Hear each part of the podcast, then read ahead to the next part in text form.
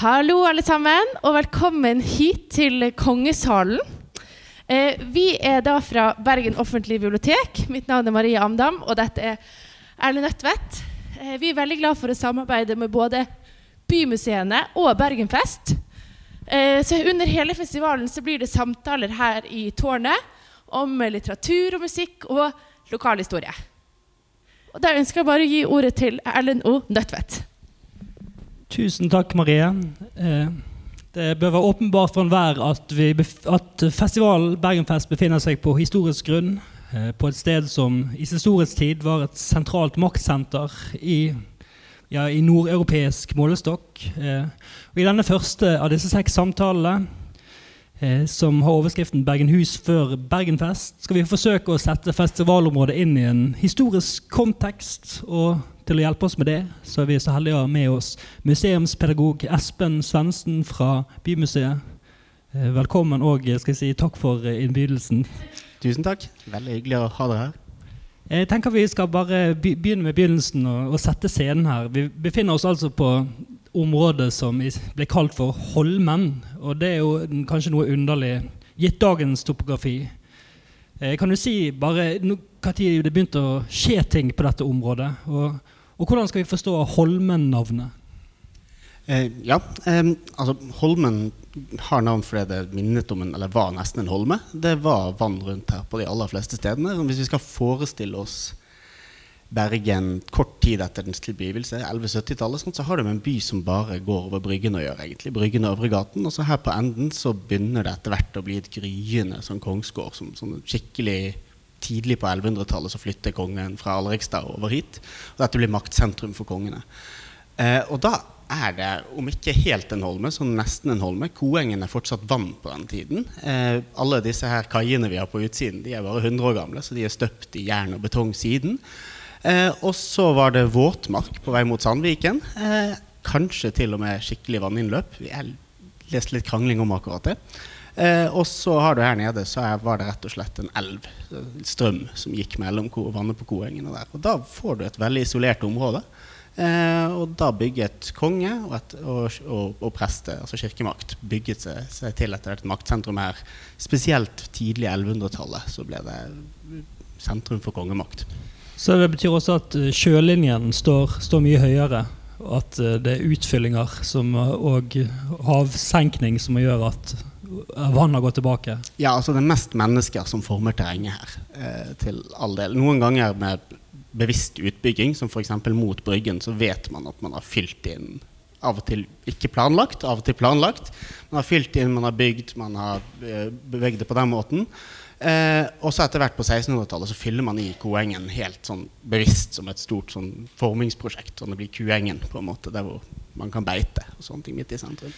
Eh, Her nede er det en gate som heter Sandbrogaten, som òg ja, er et ekko av denne broen. Så det var et veldig avsondret område, så det var eh, strategisk eh, Lett en strategisk beliggenhet. Ja, Lett å forsvare og veldig veldig synlig når man kommer seilende inn. Og de fleste kom seilende inn helt til altså Bergen er en havneby, og Bergen var den viktigste havnebyen i, eh, i Norge i mange, mange mange århundrer. Eh, og da var det å ha sånn visuell, dominere visuelt når du kommer seilende inn, en ganske viktig ting. Eh, så det at både kongemakt og kirke baserte seg her, og det at de bygget store steinbygg, det er på en måte en sånn intensiv PR-kampanje eh, for, for å gi inntrykk av hvem som styrer Bergen.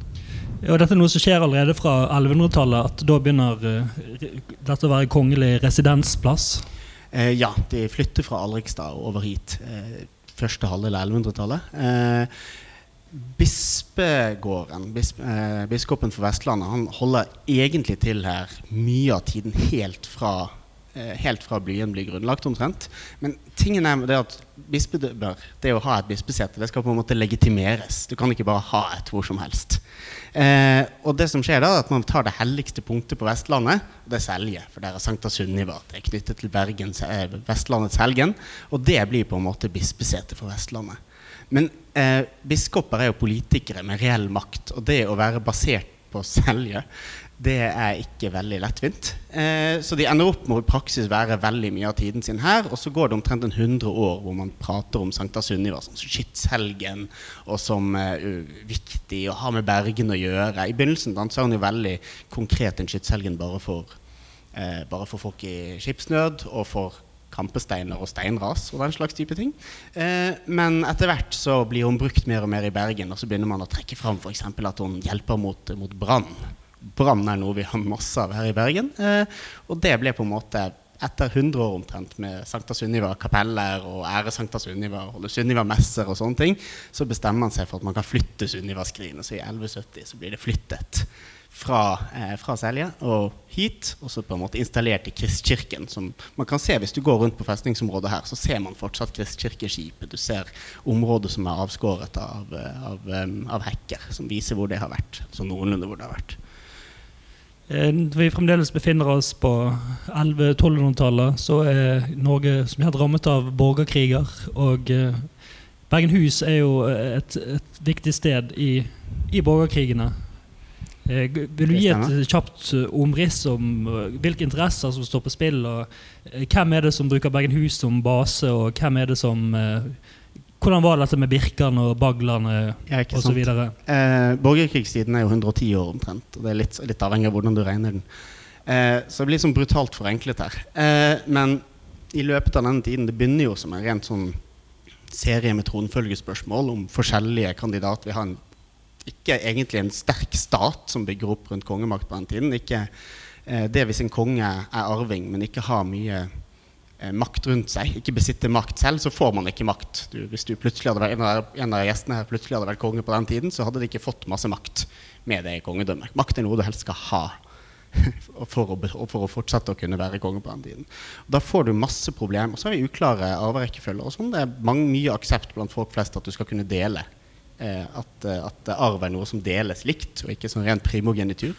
Og, det fører da, eh, og mange av disse tingene fører til at du får mange forskjellige tronfølgere som kan påberope seg å være. Og etter hvert så senker terskelen for seg også ganske mye for å bare erklære at du er en eller annen uh, ukjent bastard og komme på rekken og sånn.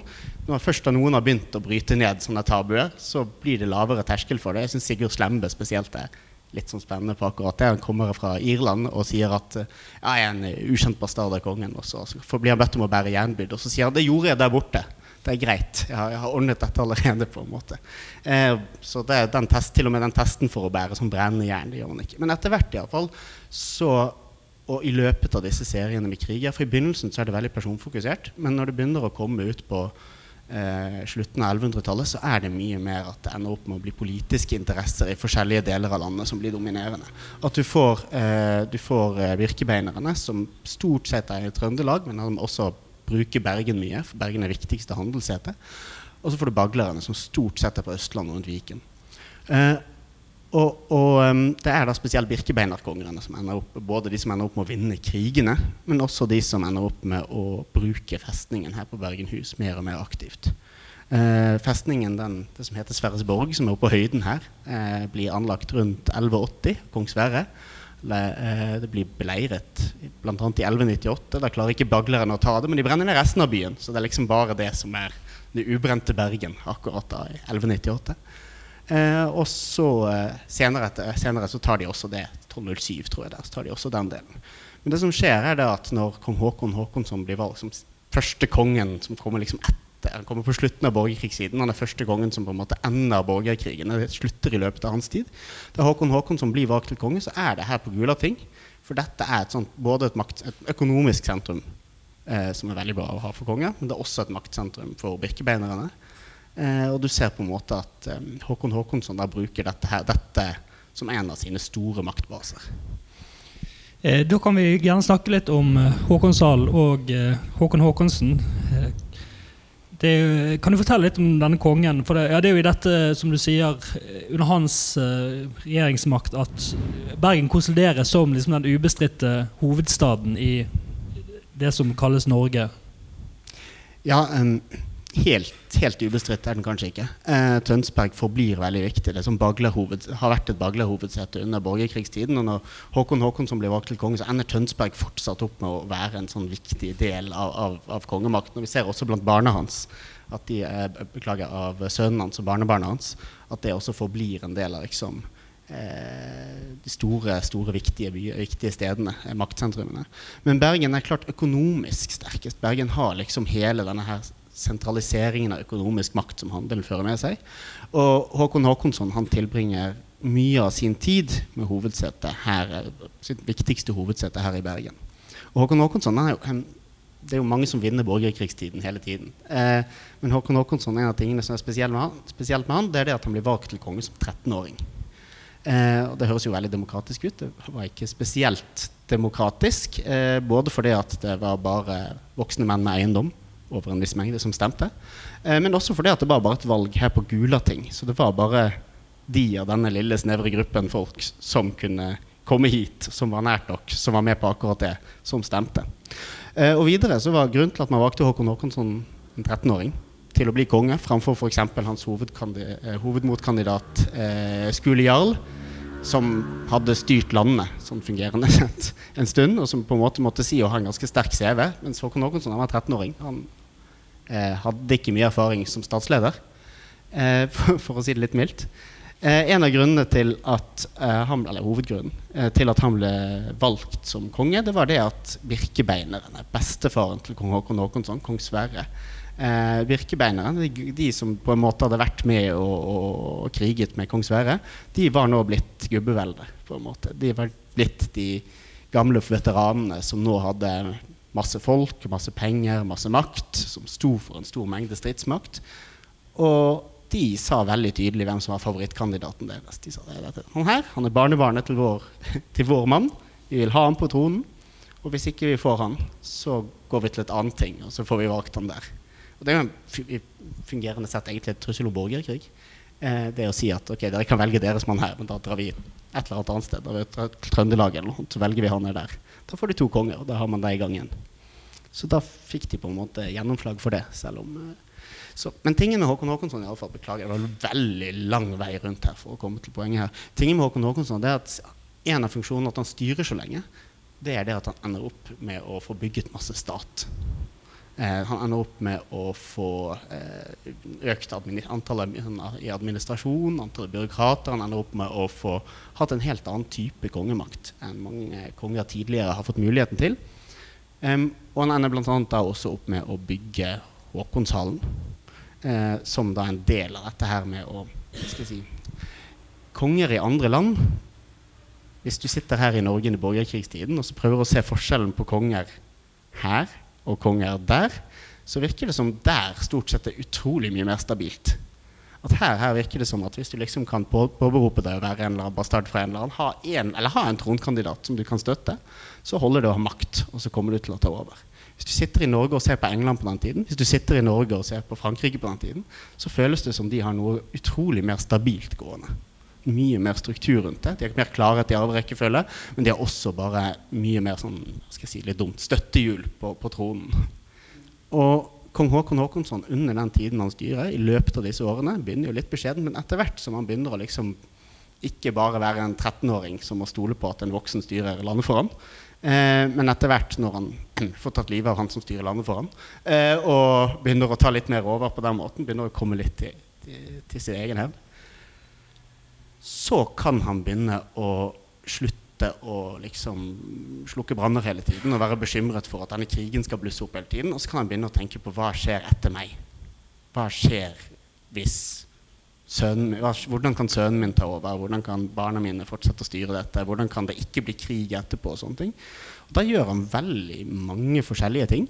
Eh, og en av de er å bygge store steinbygninger. Som i hvert fall på utsiden er sånn en åpenbar forskjell på det konger i Norge gjorde, og konger i disse mer stabile landene gjør. At de bygger svære bygg i stein. De bygger monumentale bygninger som er åpenbart at ikke vanlige folk har råd til, og de bygger de på steder hvor folk ser. Som maktdemonstrasjon, som en måte å vise at du er noe spesielt på. For eh, Håkonshallen sier, sies at det er bygd i, i, engelsk stil, og det spekuleres også om den ble bygd av engelske steinbyggere. Noe som uh, gjør det ikke det. Eh, noe som også vitner om Håkon Håkonsens kontakt med, med England. Og han jo, har et rykte på seg for å være noe av en kosmopolitt som ja, hadde en slags kontinental smak, og ja, nettopp så mot England og Frankrike for å å etablere makten sin. Ja, nei, helt klart. Eh, og, og, og, drømte om å gjøre Norge mer til et sånn europeisk type, type kongedømme. Eh, og det at han ser til England, det er Du kan egentlig se på mange forskjellige ting. Eh, det, det enkleste eksempelet på når han ser til Frankrike, for eksempel, er at han får oversatt en del ridderlitteratur. Eh, det høres ikke umiddelbart ut som eh, statsbygging. Eh, men det å, å prøve å innføre et forbilde for unge stormenn i Norge om at det beste det er høvisk kjærlighet og dø for kongen sin, at det er liksom det tøffeste du kan gjøre, det er en del av å bygge på en måte strukturer som kan, kan bidra til å forklare det at kongen er noe annet enn bare han som har størst her akkurat nå. Eh, og det samme ser du på en måte at eh, han får jo lagd en eh, får lagd, eller Sannsynligvis han får eh, beordret Kongespeilet eh, skrevet, som er et eh, stort verk, en dialog mellom far og sønn, eh, som forteller om veldig mange ting. Havmonstre utenfor Island og sånne ting også. Men eh, det forteller bl.a. også veldig mye hovedfokus er helt klart, hvordan du skal oppføre deg, og da spesielt i møte med kongen. Det forteller hvilken farge det egner seg at man kan ha på seg på klærne. Det forteller hvordan du skal oppføre deg. Det forteller alt sånne ting som det. Eh, tiltaleformer. Um, og for meg så Nå kommer litt sånn egen tolkning her. Eh, men det f.eks. at de føler for å påpeke at man ikke skal være enormt full når du har audiens hos kongen, det syns jeg, eh, synes jeg er litt flott. Eh, det synes jeg er noe talende om Hver gang Jeg liker regler, generelt sett, historiske regler, fordi at de forteller veldig ofte om hva som er problemer. Eh, og da syns jeg det var sånn kult lite Av og til litt sånn utilsiktet innsyn i samfunnet. på en eller annen måte om sånn, hva er Det akkurat som besøke en hybel et eller annet sted og så se at det står veldig strenge regler om hvordan ting skal være i kjøleskapet. Da vet du at det ikke funker i kjøleskapet. på en måte eh, Så jeg har litt sånn den følelsen da når jeg ser på disse her sterke påpekningene om at liksom, hvis du ikke hører hva kongen sier, så skal du si 'herre konge' istedenfor 'hæ'. Uh, og sånne ting. Det syns jeg er en sånn flott lite innsyn. at Da klarer jeg ikke la være å tenke på han er 13-åringen som blir konge, omgitt av bestefars veteraner. At han kanskje ikke syns han ble tatt seriøst nok. Han kanskje ikke syns at det var åpenbart nok for alle andre at det var en forskjell på en konge og bare første likemenn på en eller annen måte. Uh, så Kongespeilet er iallfall med på dette her og forklarer veldig tydelig at kongen er ikke bare den fremste stormannen det er noe spesielt. Eh, det er noe hevet over det. Eh, dette hoffet han etablerer, blir jo også et, et tidlig lærdomssenter. Og som du sier, et, et arnested for, eh, for litterær virksomhet i Norge. En liksom, minigullalder. Ja. Så alt dette kan egentlig betraktes som en slags propaganda. Det er jo vanskelig å si at, og det vondt kanskje å tillegge, dumt å tillegge så, så moderne motiver. Men det føles som en del av oppskriften for å få orden på ting. ikke? Det føles som um, det å, å, å etterstrebe eh, det de gjør landet går bedre, det må være en god ting. Det kan, vi, skal på, vi, skal ikke utelukke at dette ikke er kynisk på noen måte. At dette ikke er bare noen som ser på hvordan det er andre steder, og så tenker at dette er en bedre måte å gjøre det på. Dette er en, en sterkere måte å gjøre det på. Eh, men, eh, men, funksjonelt så er det ikke det så, eh, gjør ikke det så stor forskjell. Men Da går man ut ifra at uh, Håkon Håkonsen han har, han har, reist og sett hvordan de gjør det på de skikkelige hoffene, og liksom prøver å emulere sine ny, uh, utenlandske forbilder. Han har reist en del. Skjønt mye av reisingen får han gjort i, i, eldre alder, og ofte med en krigsflåte. Så jeg er ikke sikker om det er som beste måten å ta til seg kulturelle impulser på. Med mindre kulturelle impulser er liksom noe du tar. noe du fysisk tar. Men, uh, men, han er jo en relativt utdannet konge. Han er første eleven så vidt meg bekjent, vi kjenner til i Norges historie vi vet at eh, katedralskoler ble etablert eh, på 1150-tallet. En, en, her i Bergen, en i Trondheim, en i Oslo. Eh, men vi hører ikke så mye om dem. De bare liksom dukker opp her og der, som nevnt. Men kong Haakon Haakonsson er første vi vet er utdannet ved katedralskolen her i Bergen. Eh, og det ser du senere, f.eks. under kroningen hans i 1247. Eh, da var han allerede hadde vært konge ganske lenge før han ble kronet. Eh, da er det en, en ganske mannevond engelsk munk på besøk som heter Matthew Paris. Eh, og han er flott fordi han legger veldig sjelden fingrene mellom når han beskriver ting. Eh, han, han eh, er ikke alltid så veldig høvisk eller konfliktsky eller den slags når han forteller om ting. Og en av tingene han sier Jeg husker ikke akkurat ordvendingen akkurat nå, en av tingene han sier om Håkon Håkonsson, han sier at kongen er overraskende, eh, overraskende dannet. Og Det er jo litt sånn backhanded compliment som eh, engelske mennene sier. At det ikke bare er bra å bli kalt for overraskende et, overraskende et eller annet bra. Eh, men, eh, men han gjorde iallfall jeg vil si at det er ganske bra kompliment fra Matthew Paris. Eh, så han har lest seg til mye av dette. Han har mye av disse forventningene som, eller en del av disse forventningene fra utdanning, og, men også fra internasjonale ting. Som f.eks. vennskapet med eh, kong Henry 3. i England. Eh, Når vi snakker litt mer om pomp og prakt og makten som synlig manifestasjon, så kan vi jo også snakke om liksom de opprinnelige Bergenfestene. Da tenker jeg nemlig på, på de store kongekroningene, og Ja. ikke minst kroningen og bryllupet til Håkons sønn Magnus Lagerbøte i Ja. 1261. Her var det festival for alle penger allerede den gang. Ja, eh, det, det var eh, veldig, veldig stort, egentlig. Eh, Det var definitivt det største som hadde skjedd her, av arrangementer i landet. Egentlig, hvis vi kan få hoppe litt tilbake til Håkon Håkonssons kroning, altså farens kroning. For jeg synes Det setter en sånn fin kontekst. For akkurat denne kroningen sant? Den skjer i 1240. Den første, denne kroningen den skjer før man har bygget ting her, og sånn, men det skal være fest fortsatt. Selv om man har bygget Man har en kongsgård, men den er i tre. Det er ikke store steinhaller her. Det er ikke, eldste delen av Rosenkrantz-tårnet, kong Magnus Lagerbøttes kastell, er ikke bygget. Men, um, men det skal holdes kroningsfest, at nå har kongen vært konge i 30 år. Men endelig fått godkjent den, at han er konge fra paven. Det er kommet en kardinal fra Italia som skal krone han, og nå skal man liksom slå på stortrommen. Og dette er en av mange anledninger til å vise seg. Sant? Det er en av anledningene til å, å eh, innhylle seg av denne her kongeligheten som denne litt sånn mytiske kongeligheten som finnes i England, som finnes i Frankrike, men som vi har vært litt sånn uklare på av og til her i Norge. Det er en god mulighet til å bygge opp sånn, men også bygge opp internasjonalt renommé. Og så kommer denne kardinalen, denne engelske munken som jeg snakket om, massevis av forskjellige gjester kommer til dette her, men han har ingen store sånn fest, festivalbygg på noen måte. Man har ikke gode lokaler. Eh, så man tar og planlegger feiringen til sommeren. Så skal man holde kroningen i Apostelkirken, som er, lå rett utenfor tårnet her. Greit nok. Men festen man skal ha en fest da, den skal ikke i kirke. Og festen den skulle man holde utendørs, og så satse på godt vær. eh, og, og så slår tidløse Bergen til. Eh, og regner dette her helt, helt, helt bort. Og så ender man opp da som sånn reserveløsning, og så trekker man inn i et båthus. Et sted for vedlikehold av skip og den slags. Eh, og, og feire der. Så det er fest i naustet, rett og Ja, slett. eh, det er det. Og, og det virker som det gikk bra. Det virker som gjestene syns dette er, er greit. Jeg vet ikke om til og med de internasjonale gjestene er noenlunde fornøyd med dette. og sånn. Eh, og, og, og det står ikke at kongen er utrolig misfornøyd. og sånt. Matthew Paris syns dette funker bra. Det, vi har ingen kilder på at dette her var katastrofe, selv om det regnet litt vekk. Folk trakk inn, det var god stemning og alt sånne ting.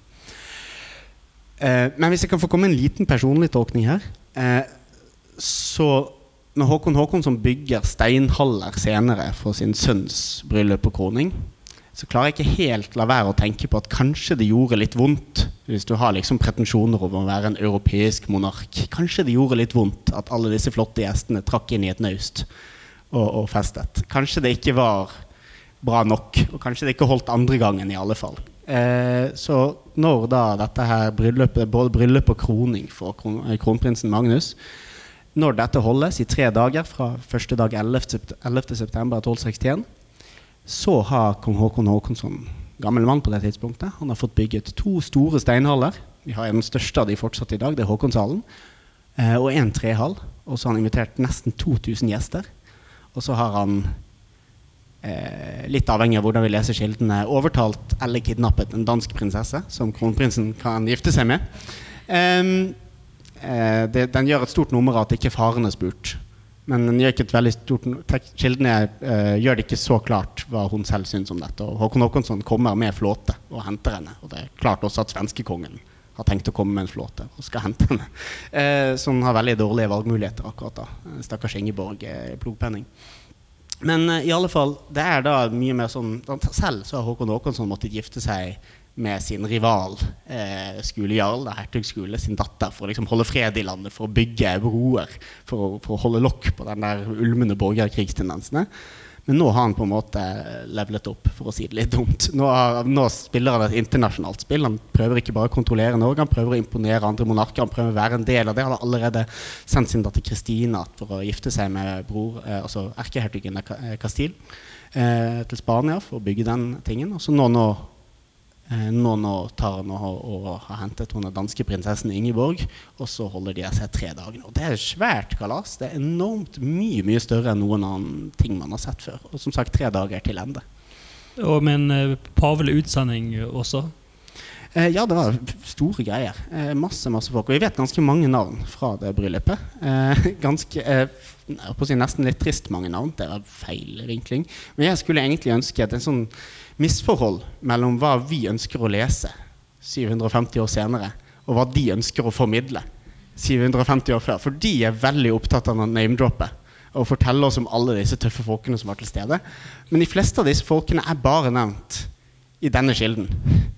Som gjør at det ikke alltid er så imponerende for oss. Det gir oss ikke så mye. Det er kjempekult hvis vi klarer å finne noen andre referanser til det. Men av og til så blir det bare navn. Mens jeg skulle ønske å vite hva de danset, eh, og hva som hang på veggene. Og masse masse detaljer. Men de er selvfølgeligheter for dem. Eh, og det er ikke det de er opptatt av. Så de skriver ikke ned de tingene. Men bryllupet er godt beskrevet. Og, og så er det kroning også. Da. Det ja, for Magnus blir kronet til konge selv når hans far fremdeles er i live? Yes, det, det stemmer. Eh, og det har eh, Håkon Håkonsson prøvd før. Eh, han, hans eldste sønn ble også kronet til konge og var samkonge med han en periode. Men så døde sønnen før faren. Så nå, nå kroner han sin andre sønn også til samkonge. Eh, og så, så, hersker de sammen. Det er siste gang Norge har to konger sånn, simultant. Eh, vi er ferdig med borgerkrigene, så det er ikke sånn at vi har tre forskjellige konger forskjellige steder ute og herjer.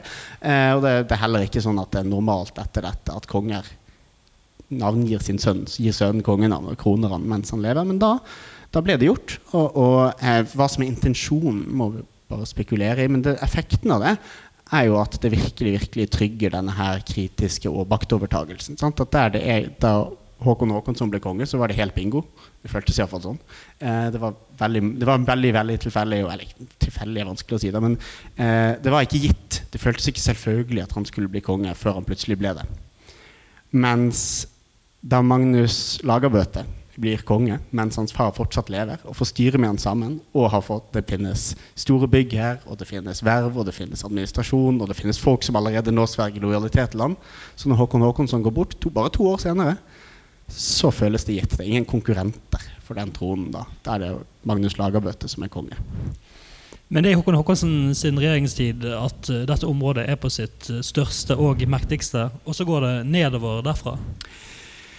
Ja, eller um, det spørs litt hva du mener om Norgesveldet, egentlig. Om det er det som er tingen. Uh, for Norgesveldet det blir litt mindre etter Håkon Håkonssons tid. Magnus Lagerbøte gir jo fra seg litt øyer og den slags type ting. Men uh, selve dette stedet fortsetter å være statssentrum til stor grad.